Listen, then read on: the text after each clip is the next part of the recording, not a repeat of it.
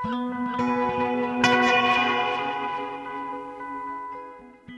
og sæl, ágætu lustendur, við sjá heilsar, 5. daginn 18. ágúst. Við hljónum hana í dag sitja Melgorka Ólafsdóttir og Halla Harðardóttir. Fótbolti og fiskveðar, orkan í hálsinum, píanotónar á vestfjörðum og náttúrufíkn. Allt þetta og meira til á dasgrá viðsjár í dag.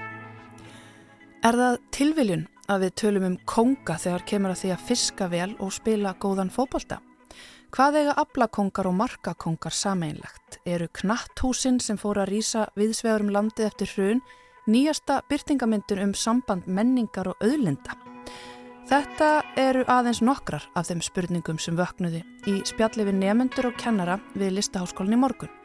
Við sjá hitti þá Óskar Arnússon, arkitekt og lektor við Arkitekturfræði við Listaháskóli Íslands og samstagsfélaga hans Stefán Lagsnes, arkitekt og rannsakanda búsettan í London á Kekshostel í morgun. Þar sögður okkur frá sumarskóla sem að líkur um helgina þar sem að samband fiskviða og fókbólta var rannsakað. Mjög spennandi efni sem við heyrum meira af hér undir lokþáttar. Friðgeir Einarsson hefur síðustu vikur fært okkur písla um sumarfrí og deilt með okkur áhyggjum og vangaveltum um þá fjölmörgu hluti sem huga þarf að á þessum krefjandi tíma ársins. Í písli dagsins fylgjum við honum loks út úr bænum og finnum fyrirstöðu í hybrid hlæðslum og gaggríni ferðamanna á íslenskar náttúruperlur. Pianoháttíð Vestfjörða er ný háttíð sem var formlega sett í gerkvöld. Við heyrðum aðeins í skipilegjendum háttíðarinnar í morgun og fengum senda upptökuðaverki sem var frumflutt á töfrandi stund í kirkjunni á tálknafyrði í gerkvöldi. Meira því hér á eftir. En eftir tveggja ára dvala snýr menningarnótt aftur nú á laugadag. Þá er sannlega úr mörgu að velja fyrir þá sem vilja sækja menningarviðburði af öllu mögulegu tægi. Við sjá fjallar um tvær uppakomur menningarnætur í þætti dagsins og við byrjum á því að halda niður á höfn. Við Grandagarði Reykjavík eru átján listamenn að undirbúa gjörninga hátið sem hefur lotið yfirskriftina Einnar nætur gaman. Hópurinn sem kallar sig laumulista samsteipuna hefur síðustu vikuna unniða listsköpun í Hrísei en deilir uppskjörunni með almenningi á laugardag. Að sögn hópsins er gjörningurinn unnin með Hrísei og fjallið Kaldbakk í baksinnispeglinum og orkuransóknir Erlu Stefánsdóttur sjáanda í hanskahólfinu. Við sjá hitti þrjár myndlistakonur í galerínu Open út á Granda og við skulum heyra hvað þar fór fram.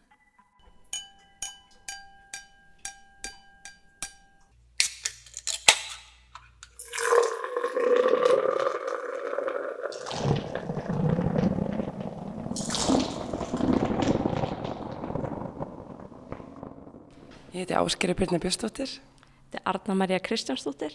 Helena Aðarsteinsdóttir. Laumulista samsteipan, hvaða fyrirbæri er það?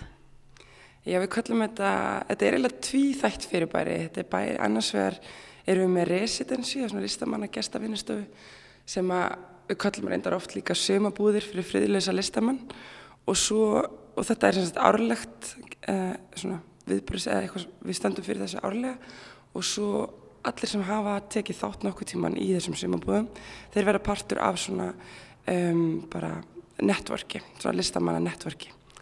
Og hvar fara þessi sumabúði fram? Það er þess að staði í Hrísei á Hámundastöðum og já, eru alltaf í ágúst og höfum staði fyrir þessu síðan 2014 en ekki fengið að koma síðan tvö ár vegna heimsfæraldur sinns þannig að þetta var mjög sérstað því ár að fá að koma aftur saman átján listamenn hann í Hrísei. Og eru listamennum bara allstaðar að eða hvernig kemur þessi hópu saman? Þeir eru átján eða hvað? Já, við vorum átján í ár og höfum verið, minnstu hópun hætti að vera átta, stærsti er átján og þau koma frá, mikið frá Íslandi en svo líka erum við listamennum frá Breðlandi og Hollandi þar sem við erum búsettar. Og í Ameríku. Já. Og, já. um,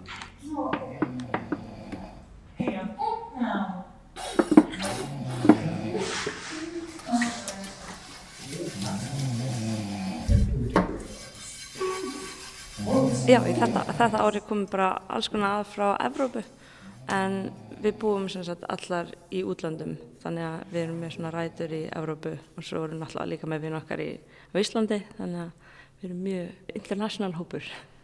Og er þetta aðalega myndlistafólk eða er þetta fjölbreyttara en það?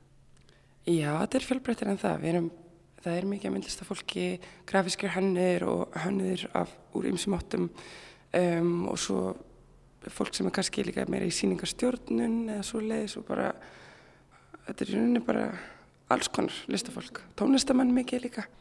En rými sem við stöndum í núna, getur þið sagt okkur aðeins frá því? Já, þetta er Open Gallery sem við fengum að halda þennan viðburð fyrir menninganótt í og við erum mjög spennt fyrir að nota þetta rými hérna út á Granda og við ákvæðum ákvæð að nota, gera eitthvað svona event eða eitthvað eftir lumilistsamstefina í Hrísei. Það er svolítið gaman að fá kannski gesti og þá sem að hafa ekki komist í ár og við erum vandamenn til að koma og sjá hvað vorum að já, bralla í Hrísei og þetta verður stundum svona svolítið, já, skemmtilegt. Þetta er ekki algjör laumilist þegar ætlið að deila með almenningi á menninganótt? Já, á vissan hátt vegna þess að það sem er svo mikilvægt með vinnustofunar í Hrísei er að það er engin áhrifandi þannig við erum í rauninni svolítið að leifa höfuflögunu að fara á kannski staði sem við myndum kannski verið feimum við að, skoða fyrir og til það er í rauninni engin útkoma með að við erum í Hrísei heldur að bara eitthvað svona sköpunarferðli Um, en svo þegar við komum til Reykjavíkur og erum með verkefni eins og þetta og höfum verið með síningar áður þá fyrir við allt annan gýr og fyrir að hugsa hvernig getur við í rauninni tekið það sem gerðist í Hrísei og búið til einhvern veginn svona smá pakka til að kynna það í Reykjavík. Þannig að þetta er í rauninni smá kannski freka bara að kíkja gegnum eitthvað svona skráagatt af því sem kom fyrir Hrísei en á eitthvað svona allt, allt öruvísu og opnari hátt kannski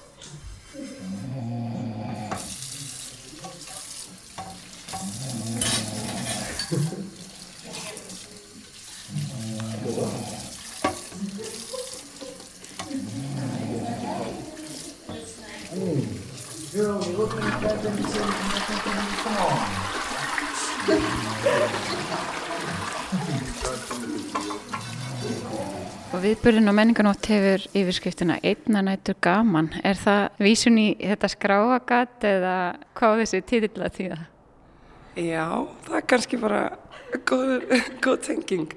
Um, ég myndi segja að sem, þetta er náttúrulega kannski eitthvað sem er stundum flóki fyrir okkur sem erum að bæða skipilegja alveg meðlustinsamstipuna en tökum samt þátt af því að þetta er í rauninni hóp og samvinni verkefni þannig að stundum er svolítið flókið að skrifa svona lýsingar fyrirfram þegar við vitum í rauninni ekkert hvað er að fara að gerast, erum ekki búin að, hópurinn er ekki eins og búin að hittast. Þannig að einhvern veginn endaði á þessum titli sem bara átt í rauninni að útlista að það erði eitt kvöld og það erði gaman. Það er einmislegt fleira forvittnilegt í þessari lýsingu eins og pælingar um að stúdera hálsin. Hálsin hefur nú löngum verið talin svona kannski já, leiðin til tjáningarinnar að tala um að hafa löggu í hálsunum þegar þú getur ekki tjáð þig. Hafið þið fundið fyrir löggum í hálsunum? Já, svona þessi hálspæling kom svolítið til um, að því okkur langaði að nota okkur næri umhverfið í hrísei sem inblástur fyrir, fyrir vinnustofuna í ár og kaldbakur sem er hann bara í beinu útsinni frá höfustöðunum okkar í hrísei um, er samkvæmt ákveðnum svona orgu rannsóknum Erlu Stefansdóttur uh, hálsstöð Íslands og okkur fannst það svo áhugavert að við hefum valið einmitt þennan stað til að einmitt rannsaka svo mikið sköpun og tjáningu og að kaldbakur væri þessi punktur. Þannig að ég veit ekki hvort við hefum fundið fyrir löggum í hálsunum, jú örglega á vísan hátt sko, en við hefum líka fundið mikið flæði, alls konar ný hljóð og reyfingar og það verið skemmtilegt að skoða það svolítið á lögðegin. Og hafi verið að tengja við þessar orkupælingar Erli Stefansdóttur, hún voru svona þekkt ekki síst í hafnafyrinum, eða ekki, fyrir svona alls konar álvaferðir og, og slíkt.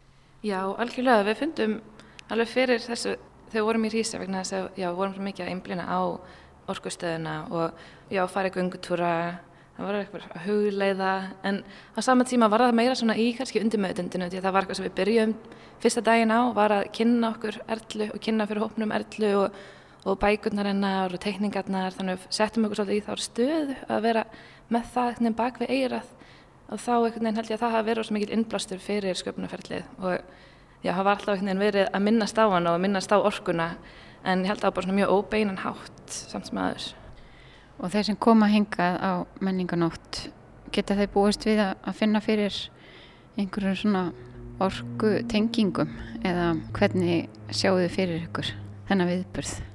Þau geta allavega fundið fyrir orkunni okkar, það er með vísu, en ég veit ekki hvort það verði eitthvað huldufólki, eitthvað svoleiðis, en ég held nú kannski ekki, en það verður allavega einhver orka í loftinu sem að veri bara mjög gaman fyrir fólk að upplifa held ég.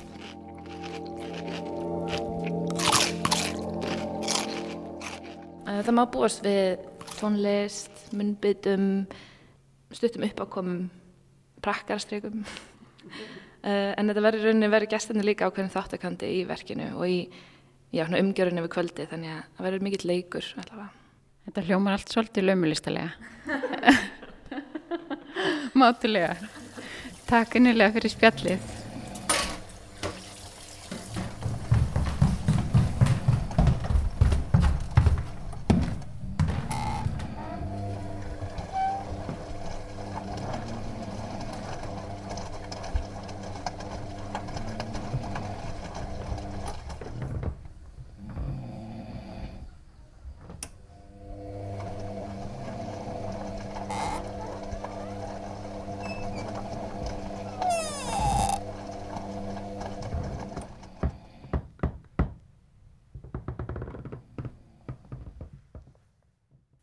Við sjá hitti þær Áskerði Byrnu Björstóttur, Helenu Adalsteinsdóttur og Örnumarju Kristjánsdóttur í Open, galeríi við Grandagarð í Reykjavík.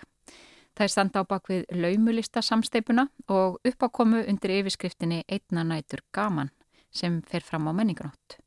Viðburun verður þrátt fyrir leinimakkið, opin öllum og stendur yfir millir 5 og 9. En nú að annari háttíð, ekki niður í miðbæ, heldur á vestfjörnum. Já, alþjóðleg píanaháttíð vestfjörða er ný tónlistarháttíð sem var formlega sett með tónleikum í kirkjun á tálknafyrði gerðkvöldi. Háttíðin skartar píanotónleikum á heimsmælikvarða og stemtur að því að árlega muni tónlistamenn allstaðar að bera borð spennandi dagskrá með einstaka listrana sín og halda meistarnámskið fyrir nefendur í samfélaginu sem svo líkur með nefenda tónleikum. Það er auðvitað rík hefð fyrir pínuleik og tónlistakennslu á Ísafjörði og gaman að sjá hvernig menningin er að skjóta rótum á fleiri stöðum fyrir vestan. En þetta er nú eins og svo aftadur að komu fólki að þakka. Já, einmitt. Stopnandi hátíðarinnar er hinn bandaríski píónuleikari Andrew Young. Hann flutti til Patrísfjörðar og tók við starfi píónukennara við tónlistaskólan þegar COVID var skollið á að fullum þunga. Hann ákvað að þetta væri tíminn til að taka auðbeg í lífinu og prófa eitt ár á Patrísfjörði en nú langar hann vist ekkert aftur tilbaka og er komin til að vera. Ég rætti við Öldu Rannardóttur í morgun, einn skiplegjanda hátjæðarinnar og hún sagði mér að þetta væri eitt af því góða sem að Patrísfjörður hafi lotið af COVID. Samfélagi njótið þess að hafa svona hæfleikaríkan kennarastörfum og svo er þessi píanótið komin til að vera. Já, vestfyrðir eru sannarlega stimpla sér inn með fjölbreyttri menningaflóru. Píjónaháttíðin er góð viðbót við heimildamindaháttíðina Skjálborg og blúsáttíðina Milli fjáls og fjöru og Sandkastalháttíðina og já, svo margt annað spennandi sem fer fram á vestfjörðum. En gestir háttíðarinnar í ár eru Pítur Toth frá Ungarlandi og Mjung Hwang Park frá Suður Kóriu tveir mjög ólíkir pjónuleikarar en samkvæmt skipuleikindum alveg framúrskarandi á sínum sviðum.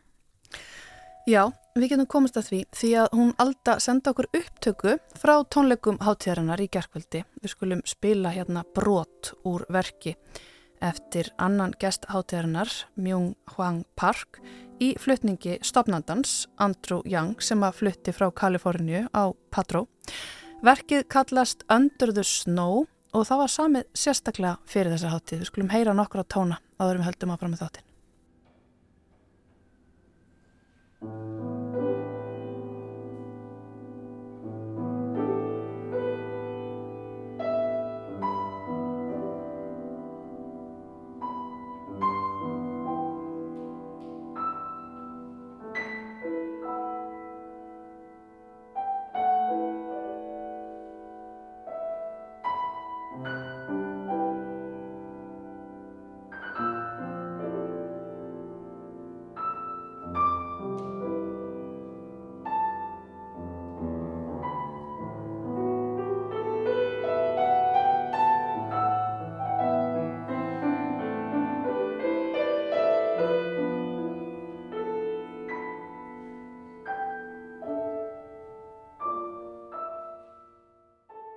Innlit á tónleika sem fóru fram í kirkjunu á Tálnaferði í gerkvöldi og hleyftu píjónaháttíð vestfjörða af stokkunum.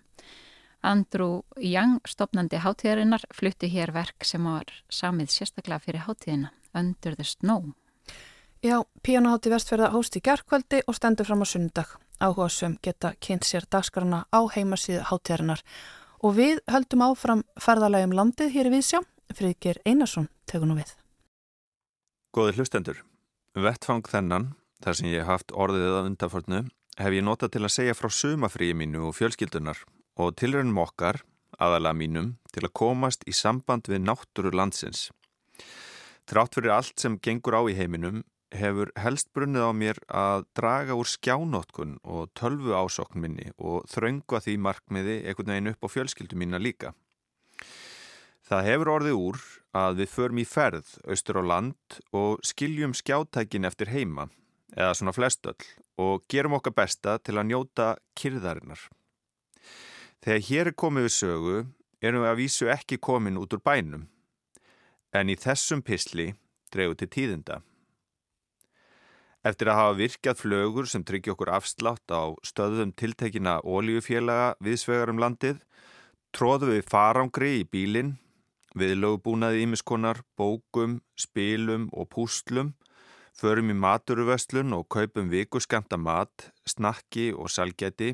Það fyllir upp í það litla andrými sem eftir er í bílnum. En þá erum við allavega tilbúin og leggjum í hann. Á síðustu stundu er samt ekki laust við að evasendir herji á mig. Ég er með lítið sátt að sekta kent að ætla að fara að brenna öllu þessu bensíni. Markmiðið er vissulega göfugt að kynna börnin fyrir landinu sinu. En stafa landinu ekki mitt ógn af jarðefna eldsneitis bruna og koldfísýringsútblæstri. Eru jöklarnir sem ég ætla að benda krökkunum á út um bílglökan ekki mitt að hverfa vegna hlínunar af mannavöldum. Þannig vil þó til að bílin okkar er svo kallaður hýbrít og til að slá á samvinskupitið tel ég með trú um að við komum til með að stöðva við nokkra rafleðslu stöðvar á leiðinni og hlaða rafleðina. Á meðan bílinn verður í sambandi getur við fjölskyldan notið þeirra nátturu undra sem eru á hverju strái á söðuströndinni. En þegar á hólminn er komið, það er að segja þegar á rafleðslu stöðvarnar er komið, nennum við ekki að nema staðar. Raflaðan er lengi að taka inn á sig ramagn og veðrið er ekki beinlinis eins og bestverður á kosið. Það er súld og belgingur og hjá börnunum okkar, þryggja og nýjára, er óveruleg stemning fyrir því að skoða fossa, skreiðjökla og holma sem heit eftir landnámsmönnum. Ekki bætur úr skák að það er valla hægt að leggja á þessum stöðum. Stæðin eru full af Dacia Dusterum, Kia Sorrentoum og Hyundai Tucsonum af bílalegunum Ferðamennir vappandi þar um í sínum Goritex búningum og opnaði símum og öðrum myndatökubúnaði í óðaönn við að uppfylla merkingalegt landnámsitt á okkar helgustu blettum. Að gera landið okkar að leikmynd fyrir samfélagsmiðla frásagnir sínar. Sumir þessara staða hafa með þess að fengi ný nöfn. Black Sand Beach, Diamond Beach, Mossy Lava Fields, Secret Lagoon, Plain Wreck og svo framvegis. Þau kaupa sér húfu með dusk í minjagripahöllinni á vík og hverfa síðan til síns heima. Skilja í mestalagi eftir umsagnir á netinu eins og landið sé einn risavaksinn Airbnb íbúð. Á TripAdvisor, vefsvæði ætlað ferðamönnum, er til dæmis að finna umsagnir um nokkra af stöðunum sem við keirum framhjá. Ok, you can walk behind it But that's it, segi notandinn Illihan frá Belgíu um Seljalandsfoss. Overrated, don't waste your time, stay home, segir J.B. Wagon frá Los Angeles um Reynisfjöru. Not a spectacular walk, segir Patricia R. frá Hollandi um Skaftafell. There are many more glaciers that are more beautiful, bætir hún við um Skaftafells The icebergs were small, segir Sabie Kó frá Philipsheim um Jökulsárlón. I can't believe we wasted 14 hours of our lives going to the lagoon. Nei, nei, nei. Við puðrum alla leið á bensingugunum og nefnum alla staðar. Pissum út í vegkanti, flautum á kindurnar sem væplast út á veg svo þær tefji okkur ekki. Okkur likur á. Það þarf að sína börnunum landið áður en það hverfur, meðan það eru endi staðir þar sem friður er fyrir lúsmíi, meðan það er enn óhægt að drekka vatn úr á sem rennur niður fjall, meðan það er ennþá hægt að benda á Kvanadalsnjúk og segja að hann sé yfir 2000 metrar og sé hæsta fjall á Íslandi. Um leið og við komum á leiðarenda í fábrotið hús á fáförnum stað sem engar umsagnir hafa nokkuð tíma verið skrifaður um á TripAdvisor, það sem við verðum einangruð næstu vikuna eða svo, hefst ég strax handa við að framfylgja netleysis áalluninni af tækni væðingunni. Símar verða ekki leiðir inn í húsi. Við skiljum þá eftir undir bíslæginu. Vitum aðeim þar til öryggis en látum þá annars eiga sig. Mér til skjelvingar sé ég að í húsinu er sjómvarp og netbeinir. En áður en krakkarnir verða þess áskinja, rýf ég HTMI snúruna sem tengir sjómvarpið við efnisveitutækið og sambandi og fel upp á skáp. Ef krakkarnir spyrja í sínum miður hófstilta tón, hvort að megi nú ekki kveikja á sjómvarpinu, fyrst að það standi nú bara þarna, get ég svara því til, án þess beinlinnir að segja ósátt, að tækið virk ekki. Suðið byrjar raunar fljótlega eftir að við höfum komið okkur fyrir. Yngra batnið fælst ekki á skýringa mínar, veit ekki enn hvað HTMI tengi er og akkur það skipti máli í samhengi við áhuga sinn á að horfa á sjónvarp. En ég sitt fastur við minn keip. Á öðrum eða þrýðadegi kleimist imbakassin. Bækur og spil eru dreyin fram Fjölskyldan tekst í saminningu á við það verkefni að koma þúsund bita púsli með mynda flórgóðapari saman. Það er mikið af sjó og himni í púslinu, það felur í sig áskorun, en núna höfum við einmi tíma fyrir þessáttar, sjó og himin. Úti rignir. Í austurglugganum er ein heljar mikil konguló með aðsetur. Vefurinn fyllir út í gluggan en vegna bleitunar er engar flugur í honum. Kongulóin situr, eða hangir, kyrr í miðju vefsins. Býður þar, þángar til þræðirnir eru orðnir svo blöytir að hún sé sig knúna til að spretta upp vefnum, draga hann inn og spinna upp og nýtt. Með þessu fylgjast við. Þetta er sjónvarpið okkar. Okkur nægir að tengja okkur við vef kongulóarinnar. Svo eitt morgunin hefur stitt upp og það eru komnar flögur í vefin. Kongulóin býður að vísu gravkirr á sínum stað í miðjunni, kannski eftir því að flugurna bækslist meira um, flæki sig meira, drepist smám saman.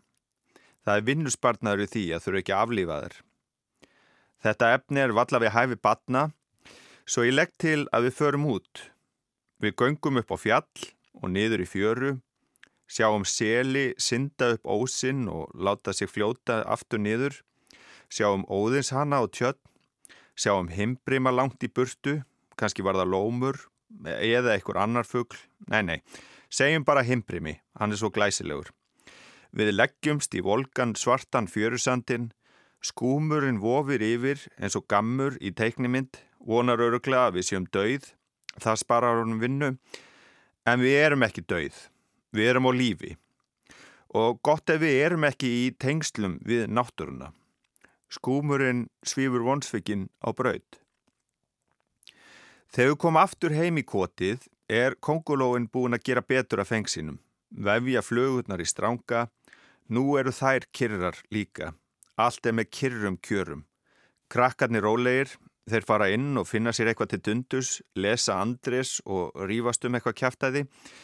Ég stelst til að ringja í vinminn sem passar köttin okkar. Hann segir að það gangi vel, að sé ekki sjá og köttunum sakni minn mikið. Hann geti matin og gerir stikkin sín eins og ekkert hafi ískorist. Ég þakka vinni mínu fyrir og byrja að helsa kettinum. Vinnu minn virðist ekki kæra sig sérstaklega um þessa fyndni. Finnst ég vafalust of afskiptasamur og hefur eitthvað til síns máls. Undir bíslæinu finn ég sólstóla sem ég breyði úr og fæ mér sæti með ný uppáhald kaffi í botla. Ég er kork í skóm, ég sokkum, rakin stýgur upp úr grasinu og sapnast saman undir íljónum, sólinn gillir túnfýbla, glemmiregar, hundasúrur og puntstrá, steinarnir satna skófum, fílar fljúa upp í björgin, þrestir kallast á, á leirrónum fyrir neðan kjaga helsingjagæsir í gríðastórum hóp og þar sem fjörunni sleppir tekur svo veraldarhafið við. Eitthvað staðar úr auksín er jökullin. Það er gott að vita af honum þó ég sjá hann ekki. Gott að vita að hann er ekki að fara neitt, ekki alveg strax. Í augnablík líður mér eins og mér hafi hefnast ætlunaverk mitt. Að ósk mín hafi verið uppfyllt. Hér er ég komin í samhengi við náttúruna og alheimin, líf og dauða. Þanga til bílflöyt neðan að vegi rýfur kyrðina. Það er verið að flöyta á kindur niður á vegi. Vegfærendur í kvítum Dacia Duster vilja komast leiðar sinnar. Deilurnar inn í húsi hafa þróast yfir í átök og ég þarf að standa upp til að stilla til fríðar. Fyrir þetta stefnumót við náttúruna hef ég miklu kostað. 40 lítrum af bensinni á stríðstíma taksta nánatiltekið fyrir ferðina fram og tilbaka. Og nú er það liðið, augnablíkið þar sem ég var sáttur, augnablíkið þar sem ég leið eins og ég væri í sambandi. Óþreian snýr aftur. Þetta er ekki nóg, hugsa ég. Alls ekki nóg. Hver sem er getur ekið játnhólk á hjólum hálfsjálfurkum eftir þjóðvegi eitt og hýst inn í fókheldu húsi þar sem náttúruöflin býta ekki þó að þetta húsi á öfugum enda á landinu miða við það hvar ég helst venjulega við. Mér til mikill af ombriða finn ég að ég þrái eitthvað enn meira, enn meiri náttúru, óspiltari náttúru, milliliða og skefja lausari náttúru. Skjáfíknin er víkjandi en náttúrufíknin er við það að fara úr böndunum. Ég byrja að leggja á ráðin um næstu ferð, næsta flótta. Sumafríið er ekki búið. Það er enn von á nýju æventýri.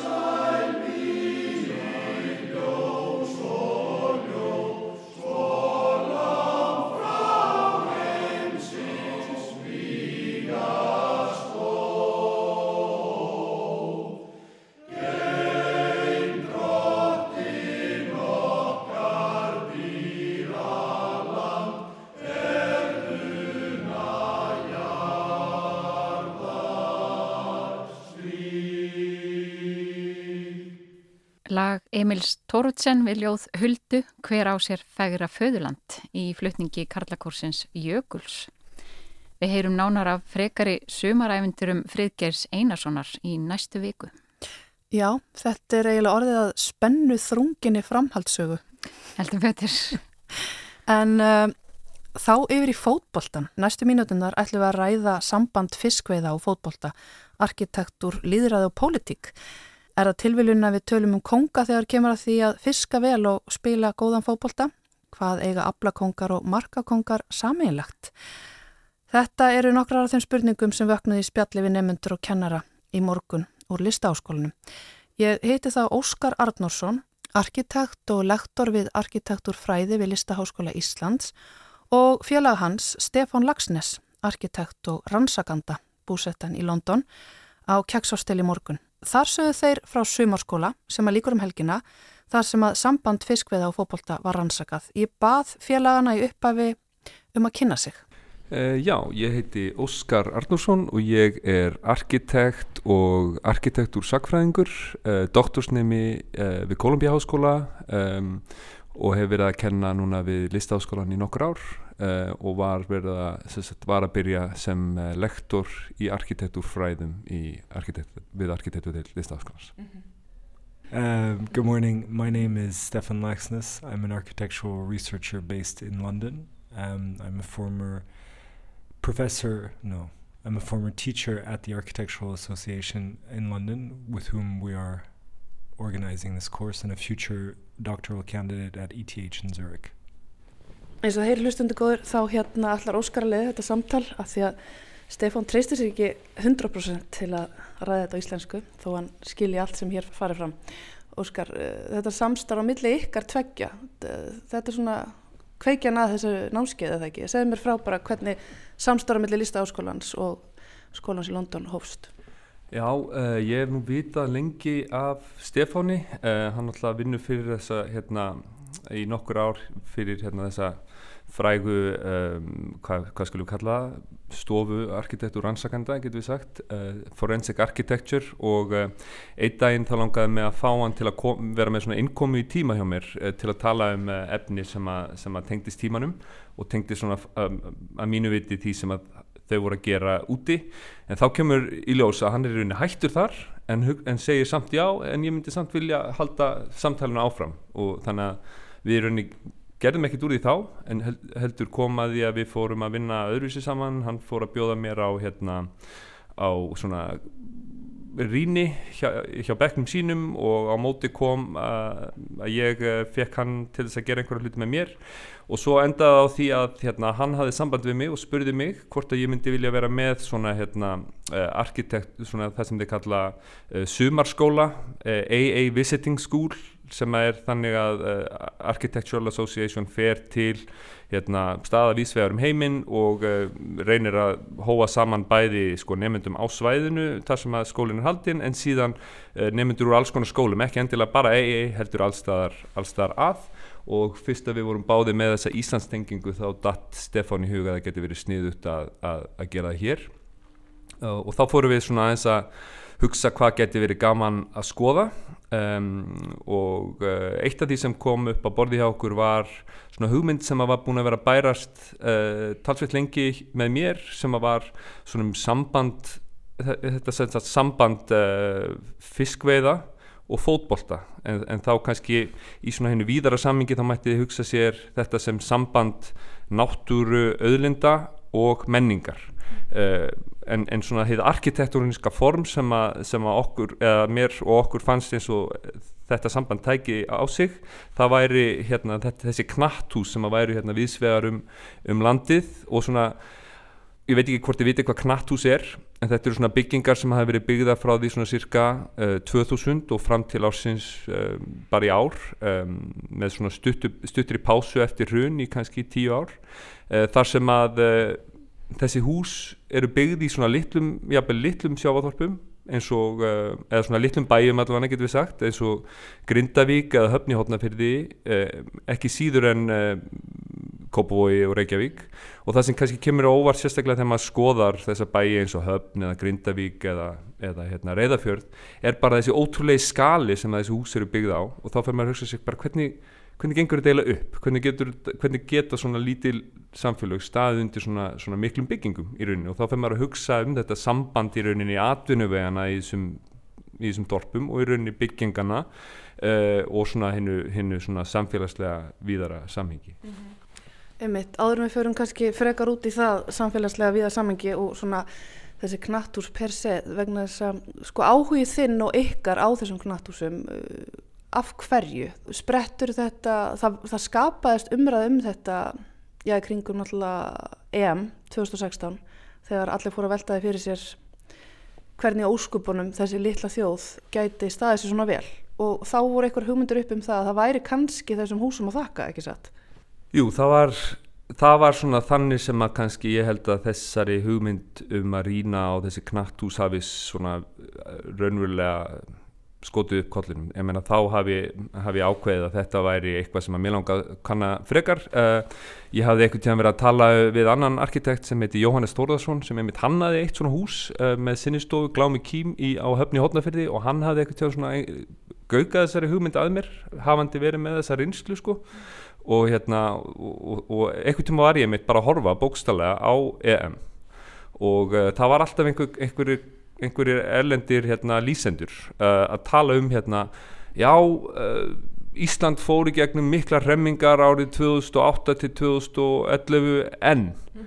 þú veist, þau hérna settu bankafólki sitt í fangelsi og þau hættu ekki að setja peninga í menningu og íþróttir og hér sjáu það afraksturinn á því að, hérna, að snúa við blaðinu og, og virkilega leggja peninga í það sem skiptir máli í staðin fyrir því við þá var alltaf verið að tala um hluti eins og hérna austerity, ég menna að skera ekki niður í, í, í grunnþjónustuna við borgarna akkurat þegar læja á, heldur bókstæðilega að gera hefðu öfuga. Mm. og það áttu, svo, þá áttu í rauninni Íslandingar að hafa gert samkvæmt þessum fréttamennum og það sem að mér fannst svo fyndi var ok, hérna hér er einhverjir íþjóttafréttamenn og þeir eru að segja mér eitthvað um arkitektur í beitni útsendingu. Og þetta er þá eitthvað sem ég þarf að kanna nánar. Þannig að þetta er svona eiginlega það sem að arkitektur rannsakendur eins og Stefán kannski nefndi aðan gera, ég menna við erum arkitektar en við, erum, við getum gert arkitektur á alls konar hátt við, getum, við þurfum ekki að byggja byggingar til þess að, hérna, til þess að vera arkitektar Og má þá segja að þessi hús séu svona einhver byrtingamind að þessu ástandi sem var í gangi á þessum tíma eða hvað? Já Já, nú er, það, nú er verið að byggja þessar byggingar eh, áfram en þann dag í dag. Ég myndi bara segja að þetta sé svona nýjasta byrtingamind sambands uh, auðlinda og menningar. Að það hefur alltaf verið þannig að hérna arkitektar eru að byggja fyrir hinn ráðandi öll í samfélaginu. Ég menna að við getum sagt fyrsti arkitektin sem að skrifa um arkitektur í endurreist, þú veist, hann er að vinna fyrir prinsa Flórensborgar og, og hérna og, og svona þessara borgríkja Ítalíu og þá er hann bara að gera það sem að um, gera allt eftir þeirra höfði í rauninni síðan við upplýsingu þá og, og hérna byltingarnar í Fraklandi og Brellandi þá hérna nefn í þarna bandaríkunum þá byrja allt hérna arkitektarnir að vinna fyrir samfélagið þá er sko kongurinn búin að gefa völd sín til borgarna og þá er hugmyndina arkitektin á að fara að gera eitthvað fyrir borgarna og þannig er það, getur við sagt, í kannski 150 ár eh, jafnvel í mótinismannum, þá er ennþá þessi hugmyndum að sko ríkið taki, taki hérna, mikinn þátt í uppbyggingu hérna, borgarnar og uh, arkitektur eigi að vera einhvern veginn hluta því. Ekki, sagt, hlut, ekki í vasa auðmagsins eins og um, arkitektar endurreysnarinnar og Alberti og það sem ég var nefna á hann heldur frekar uh, að vinna fyrir þegnana en síðan getur maður sagt að sko upp úr 1970 hafi þetta samband svona byrjað að rofna einhver leiti að því að þá er í rauninni aftur farið að taka í sundur þessi svona velferðarkerfi þetta svona samband ríkis og, og, og, hérna, og, uh, stopnana uh, og arkitektar þurfa aftur einhvern veginn að fara að reyða sig á auðmagnið og byggja fyrir auðmagnið. Og maður getur í rauninni sagt að það sé svona, svona þróun sem hafi gerst samfara í rauninni postmodernismannum og það er rauninni skemmtileg hvernig þetta kortlegs sé að ná bara ef þeir eru búin að vera að horfa á hérna, verbúðina að þú veist hvernig postmodernismin byrjar í raun árið 1970 uh, uh, akkurat þegar að skilji svartaskíslan er að koma fram. Uh, síðan uh, uh, er kótakerfi sett á árið 1983 svipa leiti og hérna, Reagan og Thatcher er í algleimingi í Breitlandi og, og Bandaríkjunum og svona, akkurat á meðan þetta velferðarkerfi er verið að búta það niður og í rauninni enga væða þannig að þetta helst í rauninni í hendur og svo getur maður sagt að þessi hérna, þessi hvernig þetta samband arkitekt og svo íþrótt að endurspegli svolítið, svolítið þetta mm. Þetta var svolítið langt, ekki, ég ekki hafa þetta allt í viðtalinu, þetta var allt og langt og sorry Stefan bara, ég ætlaði ekki að tala um þetta sko. Mér finnst þetta bara mjög skemmtilegt og ég held að þetta verður bara með í þættunum Óskar. Já, ég. Hérna, en einmitt talandum allarleið frá Alberti og ef við erum að tala um bara hvernig arkitektur svona líka bara hvernig hann formgerist í því sem þú ert að lýsa ef við tölum þá aðeins um þessar byggingar, þessi knattús Já. og þetta samband sem þið hafa verið að skoða er, það, meina, er þetta eins og íþróttafrættamenninu voru að lýsa til, þetta lítur að vera þá til hagsmuna fyrir almenninga eða hvað? Já þetta er náttúrulega einhver leiti leið um, og nú erum við alls ekki að segja að þessi íþróttús sko, þó að þau séu oft staðsett í, í hérna bæjum með sterka atvinnuvegi eins og Vestmannegjum, Höfnihóttnafyrði, uh, Grindavík, uh, Reyðafyrði og svo náttúrulega Kópavói, Reykjavík, Akranissi á sín tíma, Keflavík, að þá erum við ekki að segja að þau séu einhver, einhver liti fjármögnu til að af þessum atvinnum þóttu séu það eflust oft mm. og náttúrulega sérstaklega gegnum skattpinningana og svo getur maður sagt hvern það hljóta líka verið einhverjar, einhverjar svona þau hljóta einhvern veginn að skipta þið með sér í rauninni sveitafélagin og svo styrtaraðarnar og íþróttafélagin hvernig þessi hús einhvern veginn verða, verða til. Þannig að það er eitthvað sambandan á milli. Við erum ekki að segja þessi einhver spillingarn á bakvið eða neitt svo leiðis, heldur það er bara einhver ástæði fyrir því að, að, hérna, að það eru byggð þessi hús á, á þessum stöðum. Og svo getur maður spurt bara að hverju? Ég meina hver er ástæðan, hvernig sjá til dæmis fyrirtæki hagsinn í því að, að, hérna, fólki á stöðunum sé, sé hamingusamt og það er hægt að segja að það séu kannski margar ástæður, einn þeirra er svo bókstallega að, að halda starfsfólki í bænum og, og að það starfsfólk sem að sé þá í bænum sé hamingusamt og, og, og beri líka kannski hérna, góðan hug til fyrirtækisins. Það er kannski einn ástæðan, önnur ástæðan er kannski svona það sem við erum að sjá gerast og nú er ég ekki beinleins að tala um knattus en það sem við erum að sjá til dæmis gerast á Akranesi það sem að stert fyrirtæki er að sko fara út úr bænum en þá leggur í staðin mikla pen, sem sagt er að draga starfsemi sína, svona kjarnastarfsemi sína úr bænum en, en, en segir sko bara beint út við ætlum að halda okkar starfsemi í bænum, við erum alls ekki farin úr bænum. Og þá er þau byrjað að gefa í rauninni alls konar hérna, eða svona að opna alls konar leiðir fyrir annað fólk til að koma inn en samt á sínum eigin vegum. Og, svona, og það getur maður sagt að þarna er sko kannski einhvern veginn einhver leiti smá svona hérna uh, líðræðishalli í þessu að þá getur maður sagt að sko þessi fyrirtæki sem voru einhvern tíma fann að taka sko stort hlutverk uh, ríkis og bæja í þessum bæjarfélagum að þau eru alltaf fann að geta ákveðið hvað gerist, þess að sé einhver sem getur bókstæðilega sko kosið af eða á og þetta er svona og þaðan getur við farið í miklu hérna, lengri umræðu sem að ég kannski ekki vissum að, um að ég vilji fara en svona þetta er allavega í loftinu þegar, þegar við erum að fjalla um þetta sko. og knattúsin eru ekki, þú veist knattúsin eru rosalega áhugaverða því að þau eru þú veist svona arkitektónisk bara típ típológia eins og við köllum þetta stundum á arkitektamáli sem er í rauninu hægt að bara fara í kringum landu og, og sjá aftur og aftur. Þannig að það, en sundlöðunar er voru náttúrulega annað gott dæmi og svo við minnumst aftur á verbúðina. Mm -hmm. þá var það eitthvað sem við horfum á hérna í lok eins fyrirlestarins þá horfum við á þetta atrið síðasta atrið þáttarins uh, sí, nei fyrir ekki síðasta atrið síðasta þáttarins. Það sem að hérna parið sem að tók við fiskvinnslunni er að opna fyrstu hérna úti sundlög um, vestfjara, minnum ég að það hefur verið mm -hmm. uh, og það er bara svona gamla útgáðan af, af þessu sambandi mm -hmm. En er það sem sagt svo að þessi knatthús það rýsa fyrst og fremst í bæin þar sem eru sterkar útgerðir? Það er, það er allavega allavega hægt að. Halda því fram, ég menna það er allavega sterkar útgerðir í mörgum af þessum bæjum og það eru ekki margi bæjir sem eru ekki með sterka atvinnu vegi þar sem að svona hús hafa reysið þannig að það er allavega einhver framtíð um að það sé fólk í bæjunum. Mm -hmm. en síðan getur maður sagt að það er alls konar aðri bæir sem er að gera aðra hluti sem eru, þar sem eru líka kannski sterk fyrirtæki sem hafa ekki lagt jafn mikla áherslu á þetta. En ég ætla svo sem ekki endilega að nefna einhver sérstaklega dæmi.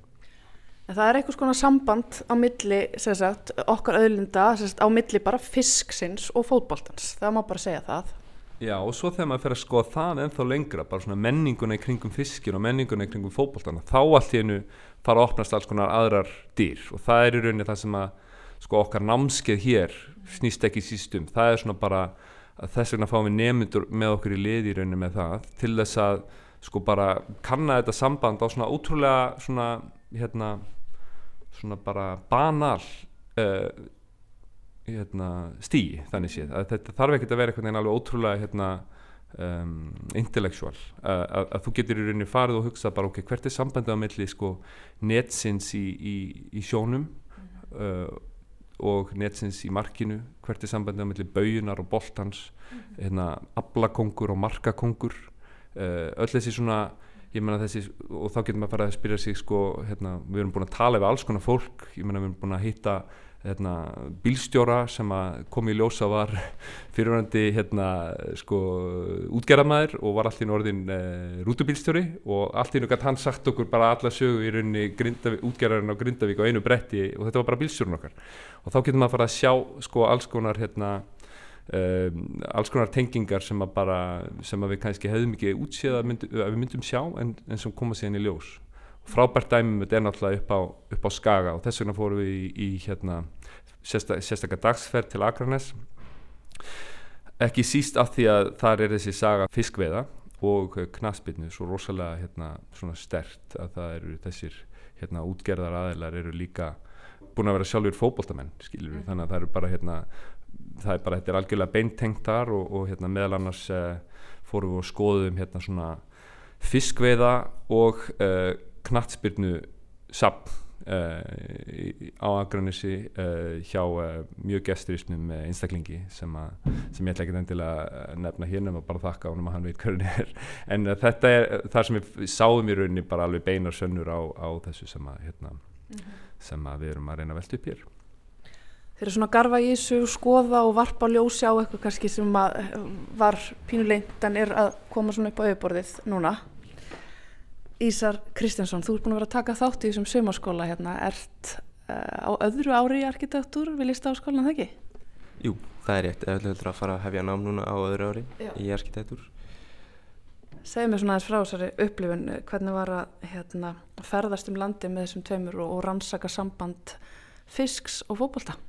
Það var uh, stórskemmtilegt og gaman að ferðast með þessum tveimur uh, fræðimönnum í raun sem eru, sem eru ótrúlega duglegir að, að varpa ljósi á, á eitthvað sem uh, er kannski svolítið svona típist fyrir okkur við svona, við hugsaum kannski ekki beint út, út í uh, fiskvinnslu eða fótbolta eða eitthvað svoleiðis út frá arkitektur eða allavega ég hafði aldrei, mér hafði ekki dótt í huga að gera það fyrir en að ég datt inn á þetta námskeið. Og það hefur algjörlega opnað fyrir mér nýjan heim í raun um, farin að horfa á, á umhverfið mitt í algjörlega nýju ljósi í raun. Um, já, þetta hefur verið svona hálgerð óvissu ferð allavega frá mínum bæjadirum séð. Um, svolítið verið að velta steinum bara hér og þar og, og reyna einhvern veginn að varpa ljósi á einhver svona ósynlega tengst sem, sem við uh, sem við svona þáttakendur í þessu námskeiði höfum ekki endilega velt fyrir okkur. Og reynum auðvitað að komast að einhverju niðurstöðu en, en uh, en það er kannski engin, um, engin beinhörð niðurstaða beint uh, á þessu námskeið heldur er niðurstaðan raun kannski þessi vinna sem við höfum verið að uh, stunda síðan tvær vikur. Þú talar um að margt hafa komið þar óvart, uh, kemur eitthvað upp í hugun að þér, eitthvað svona sem að, eitthvað samband eða eitthvað svona hlutur eða struktúra eða eitthvað sem að þú hafðir ekki hugsað um áður? Já, það er kannski raun uh, bara þessi ótrúlegu tengsl fótbolta og, uh, og fiskvinnslunar í raun í stærra samhengi uh, eins og Óskar nefndi á þann þessi hugmyndum markakongin og aflakongin og þessi, þessi samkeppni sem, sem ríkti kannski sérstaklega hér áður fyrir um, um, um fiskin á, á miðunum og svoleiðis. Og þetta keppniskapið í fótboltanum og, og þetta með netina það eru þetta snýst alltaf um einhvern net og við erum öll eh, leikendur í einhverjum stærri leik. Um, og þetta bara það sem ég hef kannski aðeins verið að rannsaka er, er svona verksmiðunar í raun byggingarnar. Um, og hvernig þær líkjast knatthúsunum í raun. Og þá tala ég um fiskvinnsluna eins og við fórum og fengum að, að skoða eina slíka í Grindavík. Uh, skoðum svo knatthúsið þar og upp á Skaga einnig um, og það sem kom mér kannski óvart var, var það hversu svipaði í raun yfirbyggingin á þessum tvennu er. Og það er eitthvað sem ég hafði ekki hugsað uh, út í áður. Uh, og þar komum við inn á þetta arkitektúru element. Uh, þó að það sé ekki endilega aðal viðfangsefni námskeiðsins í raun. Við erum kannski heldur að fókusera á hug, huglaga í þessu sambandi. Þá er uh, mikið tækifæri og í raunar kannski bara ærið verkefni að fara að skoða arkitektúr þess að tvekja heima. Mm -hmm. um, það er eitthvað sem hefur komið mér skemmtilega óvart. Mm -hmm. Þú er alltaf næðan tíma til þess. Já, heldur betur. Óskar, hann talar hérna um að um, það var kannski ekki endilega fengist neina niðurstað en það sé það kannski ekki markmið en hvert er markmið? Markmið er um, getur maður sagt að svona sem hluta stærra verkefni að þá sé þessi sumarskóli að einmitt eins og Ísar segir að, að, að bara velta einn sem steinum og fá svona kannski einhvers konar hérna bara heim um, hluta, tóla um, hugmynda sem að við getum í rauninni unnið áfram þannig að sko við og þess vegna í rauninni virkjum við nemyndur, við erum með einhverjar hugmyndir sem við viljum um, sem við viljum að sé útkoman, við erum með einhverjar svona aðferðir sem að við leggjum í, í, í hendu þeirra þannig séð, við kennum þeim á forrið, við reynum að hérna, við fáum alls konar fólk til að koma og tala við þau, kenna þeim alls konar aðferðir. Uh, innan arkitektús og, og þetta fólk sem er kannski að koma utan að þau eru kannski alveg ja, eh, sko, hissa á því hvað við erum að gera og, og, og nefnundur og ekki síst kannski við og þið eh, og er að hugsa en, en þau eru að koma með sínar aðferðir og eh, beita þeim síðan með okkur á þessi viðfangsefni. Og eh, það sem að sko markmið er þá með þessu námskeiði bara að nefnendur uh, finni einhverja nýja leiði til þess að hugsa um samtíma sinn og einhvern veginn hugsa um efnið og nota arkitektúr til þess að rannsaka hluti, rannsaka sambönd sem að kannski eru ekki nákvæmlega hérna það sem arkitektúr venjulega, þau, maður getur haldið að arkitektúr snýrist venjulega um. Uh, arkitektúr getur ímislegt, ég held að hérna, Stefán notur, notur stundum þetta hugtaka arkitektúr er sko vittni að samfélagi, arkitektúr er vittni að þeim sem byggðan arkitektúr er vittni að hérna, þannig að hann byrtir í rauninni allt samfélagi sem að verður úr. Efnin sem að, voru, sem að fóru í hann uh, vinnuaflið sem að hérna, sem að byggðan uh, kynjaskiptinguna sem að fór, sem að fór fram á milli hérna heimilis og, og, og byggingastadar og allt slíkt Einmitt um, taland um vittni sem að þessi knattús sannlega eru, ég ætlaði kannski að spurja þig bara út í arkitektúrum persi og þessi hús en hérna mér sínist við ekki hafa tíma fyrir lengra spjall. En það hérna eigum við það bara inni og fáum kannski bara að heyra betra þessu síðar. Og við bendum líka bara hlustundum á að koma hingað á keks á menninganótt og fá að heyra já svona fá að sjá þessa steina sem þau eru búin að vera að velta. Er því ætlaði að vera hér uh, ekki satt Ísar? Jú, við verðum hér uh, á Keggs hostel uh, hérna á, á, á, á neðri hæð strax til hægri þegar gengið er inn frá skólugutu klukkan 5 og þar verðum við með svona síningu þar sem fólk getur komið og, og skoða svolítið gengið í gegnum um, þetta ferðalag sem við höfum verið í á þessum tveimum vikum og, og fengið og fengið svona já, að upplifa þetta svolítið á eigin skinni og, og kannski meta þetta svolítið sjálft. Við erum ekki hér til þess að, til þess að segja fólki eitthvað, einhver ákveðna niðurstöðu eða predika eitt eða neitt. Heldur meira bara að varpa fram spurningum og, og það er kannski það sem við erum að gera með þessum verkefnum.